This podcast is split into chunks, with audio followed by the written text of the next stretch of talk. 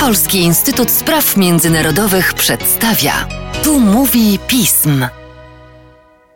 Tu mówi pism. A dokładnie Łukasz Jasina, a przede wszystkim nawet jego gościni Sara Nowacka. Dzień dobry. Nasza analityczka do spraw państw arabskich i jednym z tych państw arabskich, chociaż historycy, ja zawsze muszę jako historyk coś wstawić, by się oczywiście czepiali, mówili o państwie pozberberyjskim nawet, ale to nieważne. Ważne, jak sami Algierczycy się postrzegają. W Algierii odbyły się wybory. Wybory bardzo ważne, bo przełomowe po epoce, która trwała prawie ponad 30 lat chyba poprzedniego prezydenta. A każde państwo, w którym obalono lub też doprowadzono do odejścia polityka. Algieria akurat dość łagodny sposób się tym razem obeszła ze swoją zmianą. Nie tak jak w latach 90. Doprowadzają do przemian. Każą nam się zastanawiać, na ile zmienia się tam sytuacja polityczna, jak się przebudowuje społeczeństwo. Do tego wszystkiego Algieria bardzo mocno schodzi z naszych radarów, bo nie było tam ani żadnej głośnej wojny ostatnio. Do tego wszystkiego zapominamy regularnie o rozmiarze i znaczeniu tego państwa i też jego potencjale gospodarczym, który jest ogromny.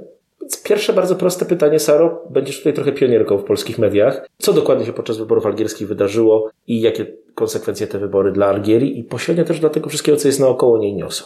No więc zaczęłabym od tego, że no wydarzyło się dużo i niedużo jednocześnie. Niedużo dlatego, że są to kolejne wybory w Algierii, które wskazują na coraz większą apatię i coraz większy brak zaufania społeczeństwa do polityków w ogóle. I są to wybory, które miały rekordowo niską frekwencję w historii algierskich wyborów, która wyniosła tylko 23%. Poprzednie wybory, wybory prezydenckie, które odbyły się w 2019 roku, to też były wybory, które wygrał Abdelmajid Tebboune przy frekwencji poniżej 40%.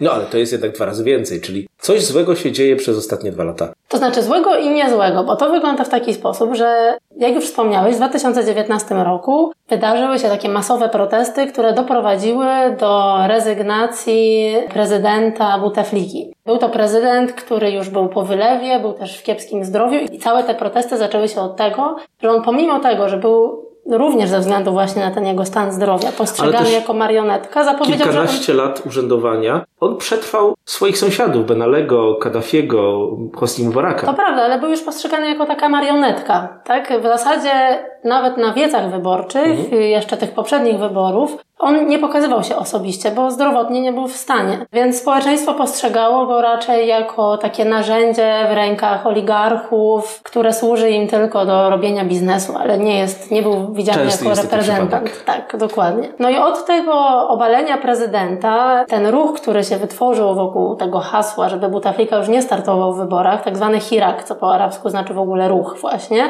mówił, że jego podstawowym żądaniem jest zmiana reżimu w ogóle. Mm, I dlatego wszelkie wybory, które wydarzyły się od y, czasu obalenia Butafliki, Hirak bojkotował, ponieważ uważał, to jest tylko narzędzie, żeby ta stara gwardia, ta stara elita miała podparcie dla swoich władz. I tutaj możemy powiedzieć, że stało się coś podobnego, ponieważ kiedy w sobotę prezydent Tabun poszedł do urn, żeby sam oddać głos, no to właśnie powiedział takie zdanie, że jego zdaniem to, że już jest zapowiadana niska frekwencja, w ogóle nie jest ważne. Ważne jest to, że te partie, które zostaną wybrane, będą mieć społeczną legitymację, taką, która pozwoli im zasiąść w parlamencie. No ale jaka to jest legitymacja, kiedy to jest 23%? To się może bardzo szybko obrócić przeciwko prezydentowi. Oczywiście też zależy od tego, jak źle ma się w tym państwie społeczeństwo, a a podejrzewam, że Algieria nie jest krajem oszałamiającego sukcesu gospodarczego, miejsca dla młodych. Dzieli pewnie wiele problemów z krajami Afryki Północnej. Dokładnie i właściwie też to był ten powód, dla którego ludzie w 2019 roku wyszli na ulicę, bo jest to, no jak większość państw arabskich, państwo z bardzo młodą populacją, gdzie brakuje miejsc y, pracy,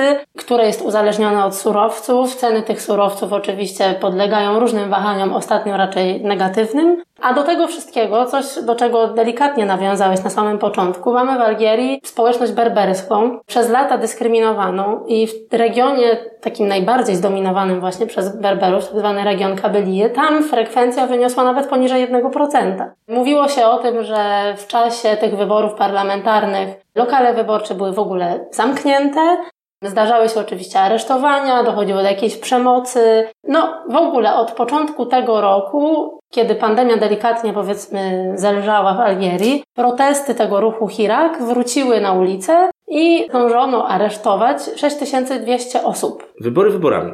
Wiemy już, że poszło do nich bardzo mało obywateli Algierii. Czy to oznacza istnienie groźby ponownego wyjścia ludzi na ulicę? I demokracji bezpośredniej, że tak się wyrażę. To znaczy myślę, że ludzie rzeczywiście nie przestaną wychodzić na Mhm. ulicę i że generalnie mamy, no mamy taką ciekawą dynamikę też tego, co się będzie wydarzało dalej, ponieważ partia, która zdobyła najwięcej głosów, to jest partia, tak zwany Front Wyzwolenia Narodowego, partia, która była jedyną legalną partią przez lata. Chyba kontynuacja nawet tych partii, które zdobyły niepodległość Algierii 60 lat temu. Dokładnie. A to już trochę czasu minęło i elity się powinny trochę czasem zmieniać. Oczywiście. I była to partia, która do lat 90. była jedyną partią w algierskim parlamencie.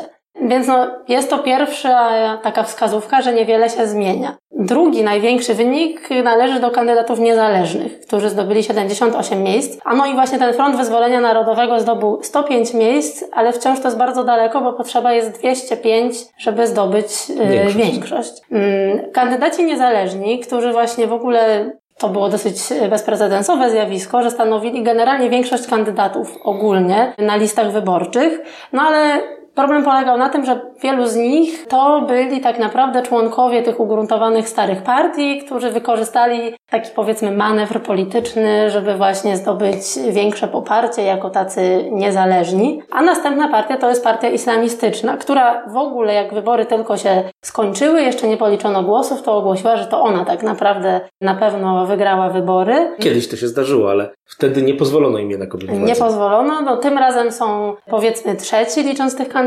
niezależnych, ale od samego początku mówią właśnie o tym, że oni są gotowi na utworzenie koalicji z partią większościową. I pomimo tego, że to znaczy, no właśnie, nie należy jej za bardzo łączyć z tymi ruchami lat 90., bo to były oczywiście radykalne, islamistyczne ugrupowania, teraz no to jest taka partia wywodząca się z Bractwa Muzułmańskiego, raczej umiarkowana, jeżeli chodzi o, o jej podejście do religii. Natomiast no, jest to też partia, która raczej nie będzie dążyła do tego, żeby zmienić ten status quo w Algierii, prawda? No i kolejna to jest w ogóle partia, o której się mówi, że to jest partia, która w latach 90. Można powiedzieć, była takim na chwilę zastępcą tego Frontu Wyzwolenia Mhm. Narodowego, kiedy on przestał być tą partią dominującą. No i nagle wtedy pojawiła się Zgromadzenie Narodowo-Demokratyczne. No i ono tak naprawdę niewiele się różni i jest w pewnym sensie naturalnym koalicjantem tego Frontu Wyzwolenia Narodowego. Więc z jednej strony mamy taką sytuację, powiedzmy dla prezydenta korzystną, bo te partie, które otrzymały najwięcej głosów, raczej nie będą dążyły do tego, żeby obalać panujący system, raczej będą dążyły do tego, żeby jakimiś kosmetycznymi zmianami, e, kompromisami drobnymi uspokoić, ustabilizować sytuację społeczną, wprowadzać jakieś reformy, które powiedzmy będą w stanie uratować algierską gospodarkę. No ale z drugiej strony mamy tą niską frekwencję, mamy społeczeństwo absolutnie niechętne systemowi, prezydentowi, który jest postrzegany no nie tylko nawet jako członek dawnego reżimu, ale też oczywiście reprezentant armii, która w algierskiej polityce od zawsze była takim wręcz prawie że dominującym aktorem. No i to skazuje i te Buna, i te, i te partie, które zwyciężyły, na taką izolację i bardzo duże manewrowanie, jeżeli będą chciały utrzymać powiedzmy jakąkolwiek stabilizację w państwie, a jeżeli nie będą w stanie do tego doprowadzić, no to możemy się jak najbardziej spodziewać dalszych protestów. Myślę, że o różnej skali natężenia. No i to tutaj też może być takim, powiedzmy, dwustronne efekty, no bo pamiętajmy, że też najważniejszym partnerem gospodarczym, handlowym Algierii pozostaje Unia Europejska, które będą raczej chciały widzieć jakąkolwiek akceptację czy rozpoznanie tego społecznego zawodu partiami politycznymi i sytuacją w kraju. Pomijając już kwestię kolejnego potencjalnego kryzysu, choć czego, jeżeli coś złego by się w Algierii działo, ale to jest już rzecz, która przestała działać na Europejczyków odstraszająco. Przyzwyczailiśmy się do tego strasznego kryzysu. Obyś nie musiała w ciągu najbliższych kilku tygodni nam takich spraw omawiać w kolejnym podcaście. Dziękuję bardzo Sarze Nowackiej raz jeszcze, Dziękuję bardzo. a Państwu za słuchanie podcastu Pism, tym razem o Afryce Północnej.